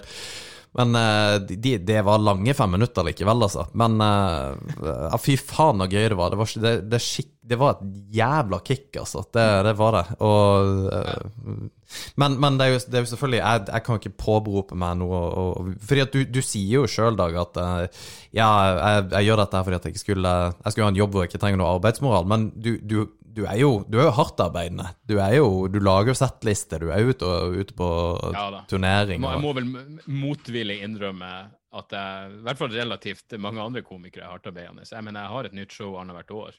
Ja. Eh, og det er jo fordi jeg ja, jeg, jeg, jeg turnerer et år, og så bruker jeg et år på å skrive, og da er jeg jo på klubber det begynner liksom å dra på klubber hvor du, du har fem minutter, ti minutter, 15 minutter, nye minutter. Og når du da begynner å komme opp i sånn tre kvarter, så tenker jeg ja, da kan jeg gjøre et da kan jeg, da kan jeg gjøre, ta med meg en kompis uh, som er support, og så kan jeg stå i 50 minutter eller en time, hvor lenge jeg klarer å strekke det. Og så plutselig har du en og en halv time, og da er det sånn Ja, OK, nå tror jeg vi har et show. Uh, og så må man jo strukturere og finpusse og alt det der, og det er liksom den fasen. Problemet for meg denne gangen var jo at alt, alt ble jo kansellert. Jeg skulle jo ha en runde nå i vår med, med testshow, og det gikk selvfølgelig til helvete. Men uh, på den andre sida så har jeg jo nå en god del, en god chunk av det jeg kommer til å gjøre på Mo, er skrevet de siste månedene. Å ja. Um, Så det er helt så, um, nytt? Ja, da, jeg har mye om eh, både Sian og selvfølgelig pandemien, som, som er ting som er skrevet. Noe av det er skrevet de siste uka. Så, så det blir en fin blanding av det og, og ting som jeg liksom Som jeg fikk stabla på beina før, før eh, alt stengte ned. Mm. Det jeg syns er litt kult, du må bare skyte inn, Ja. Martin. Um, det jeg syns er litt kult, da, er jo hvor politisk du er. Um, og meg og Martin eh, diskuterte at du, du er jo ikke politisk ukorrekt, men du er politisk engasjert i mye av på en måte eh, For så vidt standupen din nå. Um, og, og det er jo um, Er du politisk interessert? Nei, altså, jeg, jeg, jeg, vet ikke helt hva jeg skal svare. Jeg, for det første, etter hvert så har jeg begynt å avsky begrepet politisk humor, for det høres ut som du har en agenda utover det å få folk til å flire. Og, og jeg var nok den typen for ti år siden, eh, og, eh, og veldig sånn klar ideologisk. Det har nok forandra seg litt, og jeg tror det er atskillig vanskeligere å plassere på det politiske spekteret nå enn jeg, enn jeg var tidligere. Um, men, men, men jeg har selvfølgelig ting jeg brenner for. Jeg mener, jeg har ja, jeg er sikkert et kvarter om ytringsfrihet og Sian som, som Mm. dukka opp nå etter, etter de tingene som, som har skjedd de siste ukene. Um, så, så for meg så er det jo Ja, jeg trenger et eller annet engasjement. Um, men det er jo en kombinasjon av, av gravalvorlige ting og helt trivielle ting. Jeg mener, ja, er- jeg kan prate om uh, bombing av Libya, og så kan jeg prate om uh, pu Jeg kan ha banale pulevitser også. Um, det er jo det som er, altså det blir liksom Når man prater om politiske komikere, så høres det ofte så jævla Ja, det høres ut som du er drevet først og fremst av noe annet enn det å få folk til å flire. Mm. Eh, Så samfunnsengasjert, la oss heller si det på den måten. Fordi jeg har, jeg har ingen partipolitisk agenda, jeg er ikke affiliert med noe jævla retning. Annet. Det eneste jeg pleier å si, er at jeg, jeg mener en organisasjon som heter PEN, som er ytringsfrihetsorganisasjonen Mm. i Norge, den eneste organisasjonen jeg kan være med i som jeg kan forsvare eh, som komiker. Fordi jeg, jo- jeg, tidligere har jeg gjort ting som jeg angrer på. Liksom, jeg plutselig så Jeg husker jeg var med på en sånn jeg har et veldig sånn eh, pragmatisk tilnærming til politikk. Altså, jeg kan stemme på Rødt hvis jeg ville få Erling Folkvord inn på Stortinget. Ikke fordi jeg var enig med Rødt i, i, i det meste eller engang eh, det minste, men, men altså for meg så var det bare sånn OK, han har vært bra fyr på Stortinget. Eh, og jeg husker jeg var med på en sånn kampanje for eh, MDG en gang i tida. Men igjen, jeg husker ikke hva tankeprosessen var. Men da var det ikke fordi jeg var en utelukkende MDG-fan, men da var det med en eller annen grunn til at ja, I mitt hode så var det en god idé at de fikk større oppslutning. Mm. Eh, men så angrer jeg ettertid, fordi straks trynet ditt er assosiert med et politisk parti, så er det på en måte Da har du mista den Alle komikere burde være helt fuckings nøytral på alle Mm. områder, og, eh, og, og gjerne vanskelig å plassere også. Så, um, så jeg har nok beveget meg ganske mye bort ifra det. Og så mye sånn rene politiske ting. Jeg, jeg mye ting som handler om uh, samfunnet, men jeg, jeg tror nesten jeg er blitt mer interessert i kultur enn politikk i det siste. Så um, Ja, fordi at jeg syns ja. ikke nødvendigvis det er noe uh, For jeg, jeg skjønner hva du mener med å være liksom en politisk komiker, men uh, en av mine favoritter, George Carlin, er jo også en veldig en på en måte, ja, Han er jo en samfunnsengasjert på, eh, holdt på å si politiker, men ko- komiker, og han setter jo på en måte Altså, han setter ord på ting som ikke alle får til, og det syns jeg jo du også gjorde, for jeg prøvde jo å finne ut av hva stemmer, Dag. Men jeg, jeg fant ikke ut av liksom hvilke uprega Nei, bra. Det, ja, for det, det, det virka som at du hadde det, men så så, så drev du gjøn med da Kari Kristensen, som, som jeg kjenner, på, på et klipp på, på, fra åh, Nå husker jeg ikke hvor det var for noe, men uh, hun har jo, jo sagt på Mandagsklubben. ja. Mandagscupen var det, ja. Stemmer det. Uh, hun kjenner jo. Um, så det, ja, det var gøy å, gøy å se at du, du driver og gjør med alle, da. Driver og gjør Jo, men det er jo virkelig det er den eneste måten altså, jeg, ja, Og inkludert meg sjøl, liksom. Hvis man skal slenge med leppa om alle og enhver, så burde du faen meg reservere litt av av kritikken for deg sjøl også. Og det, det mangler ikke på selvhat der i går. for å si det sånn. Så, eh, Eh, Nå jeg skal spørre, Hva er det du hater mest med deg sjøl? Å, gud, nei, jeg, faen vet, altså. Jeg, det, det er vanskelig å eh, det, det burde være lett å svare på, men uh, det er for mye ting som, eh, som, eh, som dukker opp i hodet mitt eh, akkurat nå. Kanskje det kommer men, ut på scenen. Men jeg husker jeg pleide å ha en sånn greie om at eh, Hvordan er det igjen? Selvhat blir egentlig feil ord, for de sier jo at det motsatte av hat ikke Det motsatte av kjærlighet ikke hat, det er likegyldighet. Mm. Uh, så det er vel først når jeg er likegyldig til meg sjøl at jeg virkelig har lykkes. Uh, jeg, avventer dem. Konge. Du, de, de temaene som du prater om, nå er det jo mye forskjellig, da, som du sier sjøl. Det er jo alltid fra banale ting til uh, ganske tunge samfunns... ja, ja, tema. Mm. Men du har jo likevel fått en stil som folk kjenner igjen, eh, mer og mer. Hvordan, hvordan har den utvikla seg, egentlig? For du starta jo i 2002, eller noe sånt, var det ikke det? Det er jo Mm. veldig lenge siden. Uh, hvordan har det Ja, utvikla altså- seg utover?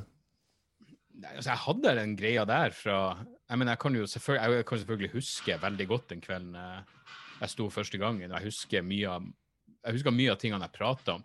Og det var jo eh, ja, et halvt års tid etter 9-11-angrepene på USA, og jeg hadde jo jævlig mye om det. og jeg husker jeg hadde kritikk av George W. Bush før det ble en stuerein ting. For det her var liksom den tida hvor USA fortsatt hadde sympati, for det var før de angrep Irak osv. Så, videre. så jeg hadde ting om, om eh, om krigen mot terror, jeg hadde ting om Carl I. Hagen, og så hadde jeg ting om å du kom på bikkja mi, eller hva faen er det. Så det var liksom ei blanding av, av forskjellige ting. Men, men eh, den største, største tingen som har utvikla seg, tror jeg er at eh, Særlig i starten, og det, er jo bare rett og slett fordi jeg ikke var noe, noe flink og ikke hadde nok erfaring. Men så var det sånn at hvis du var enig med meg i det jeg sa, så var alt greit. Men hvis folk ikke var enige, så flirte de ikke av det jeg sa. Eh, og det er jo en ting som jeg bevisst har prøvd å gjort noe med. At nå er det sånn at eh, jeg håper jeg er blitt flink nok til at folk skjønner at de må gjerne flire av vitsene mine. Det betyr ikke nødvendigvis at de mener det samme som jeg sier. Eh, så litt mindre litt mindre selvhøytidelig, tror jeg er bedre. Eh, fordi når du skal ha sånn en raljerende politisk materiale, så er det jo jeg mener, Det kan du se på George Carlin. Det var ikke så jævla mye det var ikke så mye selvrefsing der. Det var veldig mm. ovenifra og ned 100% av tida. Jeg ville jo savna noen som var litt mer, mer menneskelig og kunne prate om sine egne svakheter og sine egne Ja. irrasjonelle overbevisninger og den type ting, fordi da blir du et litt mer sånn helhetlig eh, menneske. Men, eh, men eh, det er klart, hadde George Carlin si karriere starta når, når, når det var podkaster. Jeg tror kanskje det har bidratt Mm. også til at folk forventer litt mer at de vil vite hvem du er som, eh, som menneske. Mm. Eh, så eh, så utviklinga har vel bare blitt at jeg har, jeg har blitt litt mindre jeg er litt mer variert i synspunktene mine. fordi det er jo en annen ting med den politiske humoren. Humor handler jo om å overraske. Og hvis folk vet hvordan, hvor du kommer ifra på ethvert jævla tema, så, så blir det fort forutsigbart. Så for meg så er det jo sånn OK, så jeg skal prate om eh, sharia-lov. Ja, hvordan kan jeg forsvare sharia-lov? Det er en mye mer inter interessant eh, innfallsvinkel. Mm. Eh, så, så jeg- det var nok eh, Jeg mener, jeg, jeg sparka inn vidåpne dører, og kan selvfølgelig gjøre det fortsatt, men, men særlig i starten. Eh, så det var nok ja, det var nok ganske forutsigbart. Men, men jeg, jeg skilte meg ut på godt og vondt helt fra begynnelsen av. Så, så eh, jeg, jeg skjønte jo ganske fort at det var ingen andre som det var, det var ingen andre som hadde noe interesse av å ha den stilen og prate om de samme tingene som jeg gjorde, og det jobba jo bare til min fordel. Mm. Er det noen, eh, noen standup-komikere ellers som du er, føler du er ekstra inspirert av? Man er jo inspirert av mye, enten direkte eller indirekte, selvfølgelig, men er det noen som uh... ja, det er jo tonnevis av flinke komikere, og, og ting har blitt mye mer uh, variert, mye bedre og, og, og variert her i Norge også. Jeg mener, når jeg begynte, så var det jo liksom, det var den gamle garde, og det var ganske mye dølt, og ganske mye ja, Hvis du lukket igjen øynene, så var det umulig å si hvem som egentlig var på scenen, fordi alle prata om det samme, og det var den samme jævla tilnærminga, og det mange av ja, det var en del folk som var atskillig morsommere backstage enn de var på scenen. fordi det var veldig sånn formularisk, og eh, det viktigste er å få publikum til å flire. Eh, så har det liksom kommet en ny generasjon som, som har skjønt at hvis du skal leve av humor, så tror jeg du, for din egen del, så burde du gjøre noe som du sjøl faktisk syns er morsomt òg. Eh, for det kommer til å gjøre det mye mer interessant for deg. Og der har nok jeg vært eh, jeg vet ikke, Egoistisk blir ikke det rette ordet, men jeg har vært veldig opptatt av å for meg så har jeg hele, Og det kan jeg huske helt fra begynnelsen av, så tenkte jeg jeg må gjøre nøyaktig det jeg vil, hvis ikke så gjør jeg noe annet. Hele Mm. poenget med det å være komiker, er at du skal gjøre nøyaktig det du vil. Og hvis noen på noe tidspunkt kommer inn og sier ja, du burde tone deg ned og ditt og datt, sånn som jeg opplevde liksom når jeg ja, i den tida hvor jeg, hvor jeg liksom var forbundet med latter, så var det jo sånn Ja, nei, vi vet ikke om du kan få fortsette å stå her, for det her er litt for mørkt. Det blir for mye klager. Eh, og da tenkte jeg ja, ja, OK, men da, da får jeg stå en annen plass. Eh, så, så det er ikke det at jeg ikke kan altså Hvis noen har noen gode innvendinger, hvis noen har noen gode tips, så har jeg ikke noe problem med det, men jeg har vært ganske kompromissløs. I hvert fall på at jeg må, jeg må gjøre det som jeg syns er gøy. Mm. Og de få gangene jeg tok de der tipsene om å roe Jeg husker det var en som sa til meg at hvis, eh, hvis du har litt hyggeligere materiale i starten, så, så er det lettere å, å liksom gå over på det du har lyst til å prate om.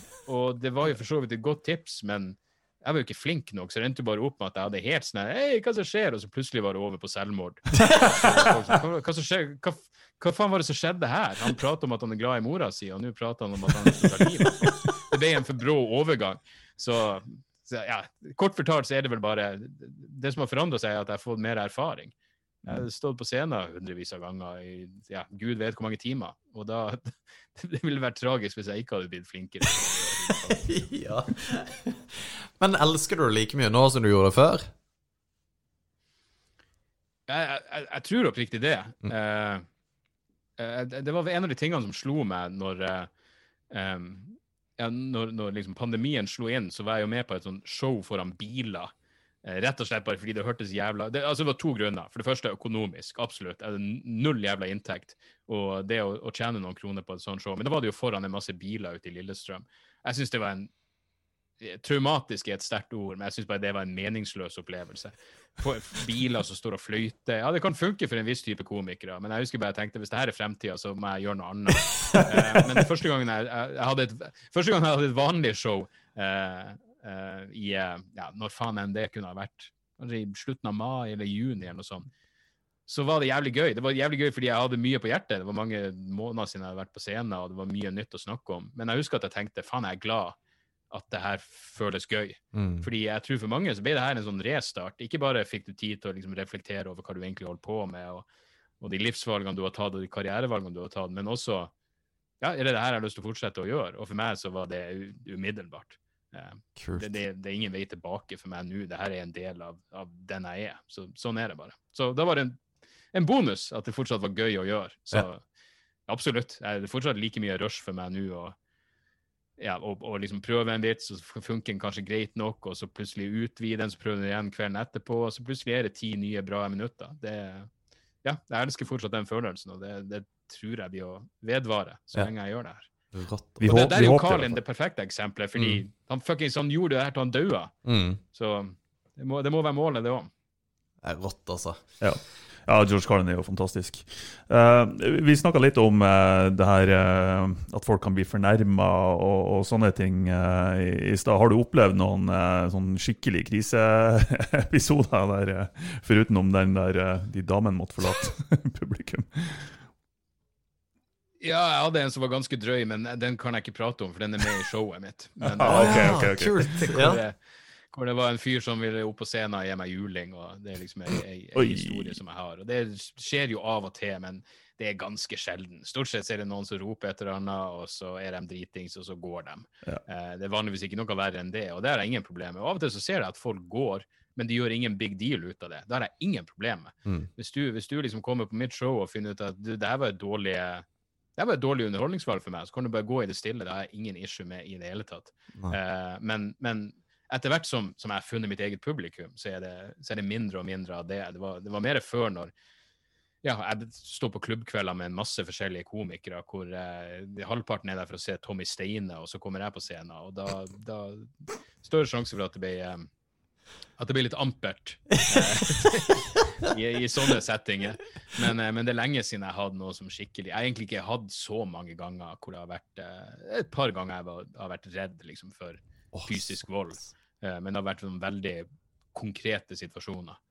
Men eh, det verste var vel kanskje oppi eh, Oppi Rena, hvor jeg skulle se på et studentesamfunn. Og, tenkte ikke over at det var en militærleir rett i nærheten. Og jeg hadde en lang greie om hvor jævla tåpelig det var, og at Norge var i Afghanistan. og eh, Ganske hånlige greier mot norske soldater som dro dit. Så ble det bare absurd dårlig stemning. Og det var jo fordi halvparten i publikum akkurat var kommet tilbake fra Afghanistan. Og da var det faen meg Da var det sånn hopp ut vinduet backstage og bare kom deg på hotellet. For jeg trodde det kunne eskalere til noe som jeg absolutt ikke var forberedt på.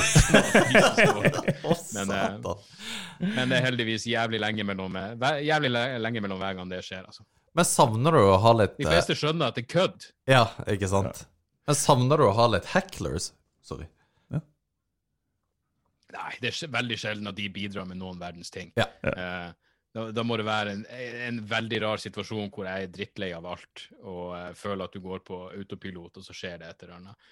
Men uh, jeg vil aldri si noe som må gi publikum inntrykk av at de noen gang hjelper til hvis de begynner å hekle. Eh, da må det gå eh, miserabelt i utgangspunktet. I det store og det hele. Så eh, jeg, har kontroll, jeg har nok å snakke om. Ja. Så det at folk skal begynne å blande seg inn, det, er- det er stort sett unødvendig. Jeg skjønner ikke Jeg skjønner ikke folk som gjør det. Jeg fatter ikke det å liksom tenke at nei, da Det her er dårlig.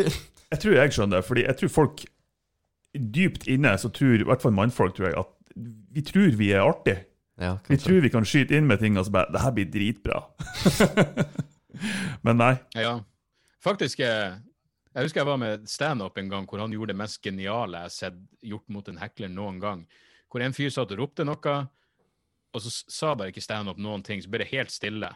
Og så sa han bare at eh, Jeg vil bare at du skulle høre eh, hvilken reaksjon din kommentar får. Fordi når jeg svarer og folk flirer og klapper, så tror du at applausen er din. Ja. Det er den ikke. ja. Det du sa, ble møtt med total stillhet. Eh, og det var så jævla perfekt og ydmykende, fordi det ble selvfølgelig stille. Ja. Og det var et jævlig godt poeng. Det er liksom sånn, folk, folk tror at å, du sier noe til meg, og jeg svarer, og folk klapper, så er det, det er ikke din fortjeneste. ja, nettopp. Ja. Du bare kasta ut noe hjernedøde jævla kommentar. Men, eh, men det er klart, altså Etter hvert så har jeg jo lært meg å takle det, så det, det er ikke som om det stresser meg hvis jeg hører at folk er full, eller de her Det, det, det, det er greit, det. Ja. Det går som oftest greit. Jeg hadde standup i Vadsø to ganger, og eh, jeg drar til Vadsø for å gjøre 80 minutter materiale. Hva det blir? 100, det blir 160 minutter materiale. Mm.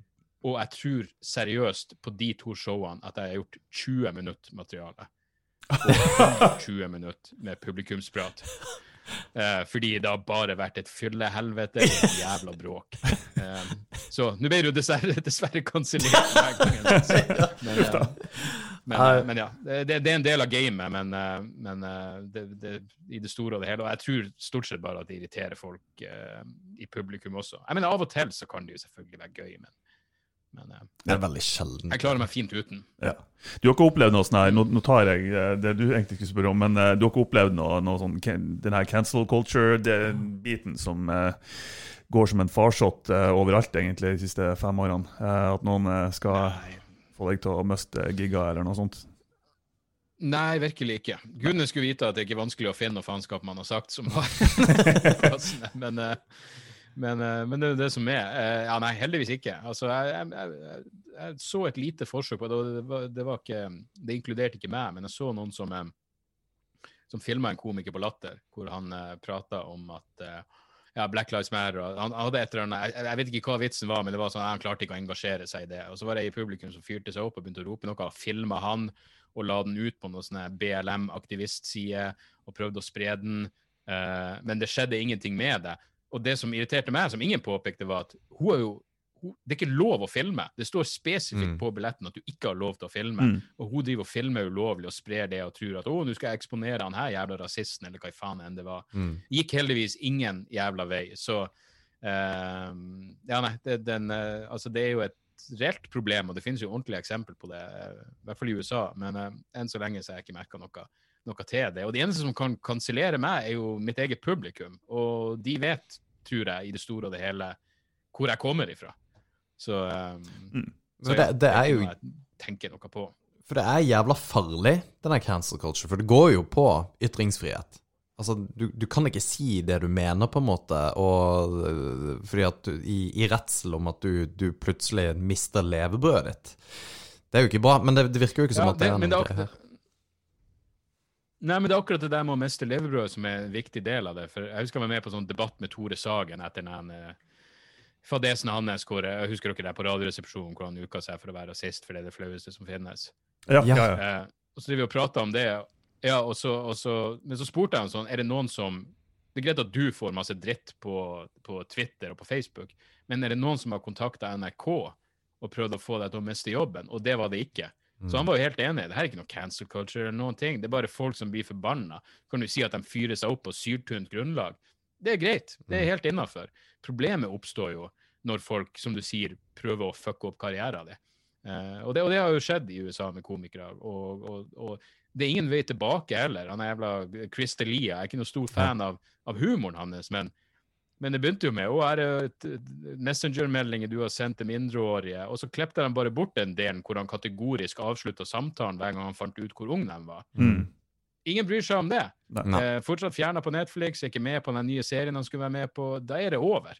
Eh, så eh, det, det er en jævla uting. Eh, men, eh, men jeg håper virkelig at eh, ja, at vi aldri kommer til det, til det punktet i, i Norge. Men Ja, det hvem faen vet. Mm. Men jeg tror nok det er bigger fish Hva det heter Bigger fish to fry enn meg når det kommer til akkurat det der.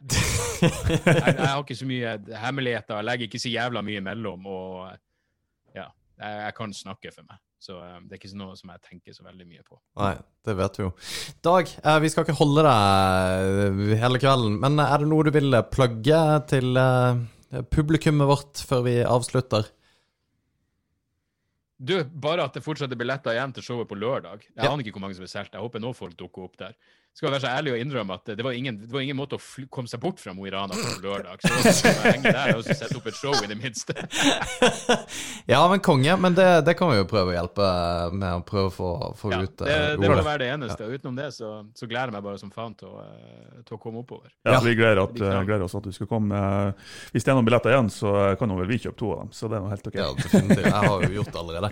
uh, nei, men denne god dag. Tusen, tusen takk for at du gjorde det her. Det er jævla sporty av deg at Sett. du gidder. Kjempepris på det. Ja. Du, det var bare hyggelig. Hyggelig å treffe dere, og si hei hvis vi, hvis vi ses til helga. Ja, det, ja, det skal jeg faen meg gjøre. Med, med, en meters, med en meters avstand. Ja, ja. Ja snakk for deg ja, selv. ja, så lenge det, så lenge det er FHI-vennlige eh, omgang. Så, ja, men det skal vi få til. Greit. Nei, men eh, takk skal du ha. yes. Så eh, ses vi på, kanskje på eh, lørdag. Vi ser deg, i hvert fall. Det gjør vi. Den er god. Vi snakkes, da.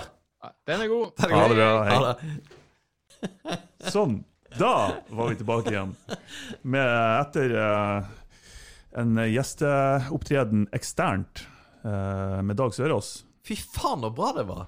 Fantastisk. Vi, var, vi hadde enkelte bekymringer, for det er første gang vi har kjørt eh, episode med ekstern gjest via Zoom, som vi gjør det nå.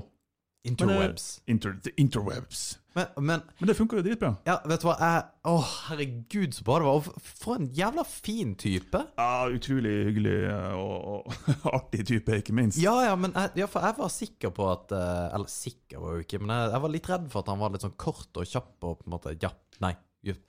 Og vi skulle jo egentlig bare holdt kjeft, for han kunne jo prata i den timen han prata, uten Ja. problem. Ja, lett. Nei, det der eh, Åh, det er herlig, altså. Ja. faen for en type. Jeg gleder meg til standup-showet hans. Jeg òg. Jeg må eh, fort med å kjøpe billetter. Um, Ja, og, er, som han sa, det er ledige billetter på lørdag. Lørdag. Fredagen er utsolgt, det sjekka jeg. Yep. Men uh, kom nok på standup-show. Det er ikke noen bedre komikere i Norge enn Dag Sørås. Så Det der var Fy faen, det blir dritkult, altså. For en ut av sofaen og eh, inn på eh, Spektrum. Rett og slett. For det er på Spektrum. Scan, jo, Jo, Scandic. Ja. Spektrum. ja, det blir dritbra. Jeg gleder meg skikkelig. Ja, Ja. Det, det, for, jeg vet ikke hvorfor jeg, det, det kan være greit at folk vet, men du må faktisk ta og bestille drikke i forkant, noe som er jævla weird, men du må gjøre det pga. at oh, det er det. FHI-vennlig. Så jeg har bare tenkt å bestille Men det er litt kjipt, for jeg tenkte ja, vi får se, jeg skal ta tre øl, og så kommer de og jeg skal ha ti. Det må jo gå an å bestille nok. Jeg vet ikke. Kanskje ikke. Jeg vet Ja, ikke. ja. Står på nettsida deres i hvert fall, uansett. Ta og Eh, Fiks det. Men dere må på den, eh, det showet. Fy faen for en type. Jeg, jeg, er, så, jeg er så utrolig positivt overraska. Det, det er ikke det at jeg trodde han var en douche, men han var bare så utrolig mye mer trivelig enn jeg trodde han var. Ja, mye mer. Og, og jeg, jeg har jo nevnt det for enkelte eh, at eh, vi skulle ha han eh, som gjest. Det er jo ikke en hemmelighet hvem vi har som gjester, men vi prøver ikke å droppe det før det er spikra, i hvert fall. Mm. Eh, og fått enkelte som har sagt ja, han kan være litt stille noen gang, men ikke, ikke i det hele tatt. No. Jesus Christ. Men vi kan være stille òg. Ja. Nei, uh, tusen, tusen takk for i kveld, uh, folkens. Takk til alle som følger med på oss. Ja. Det bare eskalerer eskalerer med publikum og ting som skjer, og kule gjester. Og, så det er ganske, det er ganske digg følelse. Og vi har- veldig Oslo ut. De Det er ganske digg, ass. Digges, og vi har de feteste, kuleste lytterne. De er, de er så ærlige. Det, det, Brutalt ærlig. Ja, brutalt ærlig. Og de, nei, jeg elsker lytterne våre. Det er så rått, altså. At det, jeg får masse drit. Mye positivt. Heldigvis mest positivt. Ja, og, det, og jeg digger det. Um, alle sammen. Uh, ta gjerne og uh, gi oss en eh, rating på der det går an, på Spotify og på Og så kommer det mer etter hvert òg. Vi uh, holdt på å få designa ordentlig profil, det har vi sagt tidligere òg, men vi har ting på gang. Uh, merch, uh, alt fra T-skjorte til whatever, Mm. uh, blir vi sikkert å selge etter hvert. masker. Masker, ja. Og så skal vi starte en Onlyfans-konto. Hva er det for noe? Vet du hva Onlyfans er? Nei. Ta og Google det, så kan vi prate sammen. Jeg later seg ikke vite.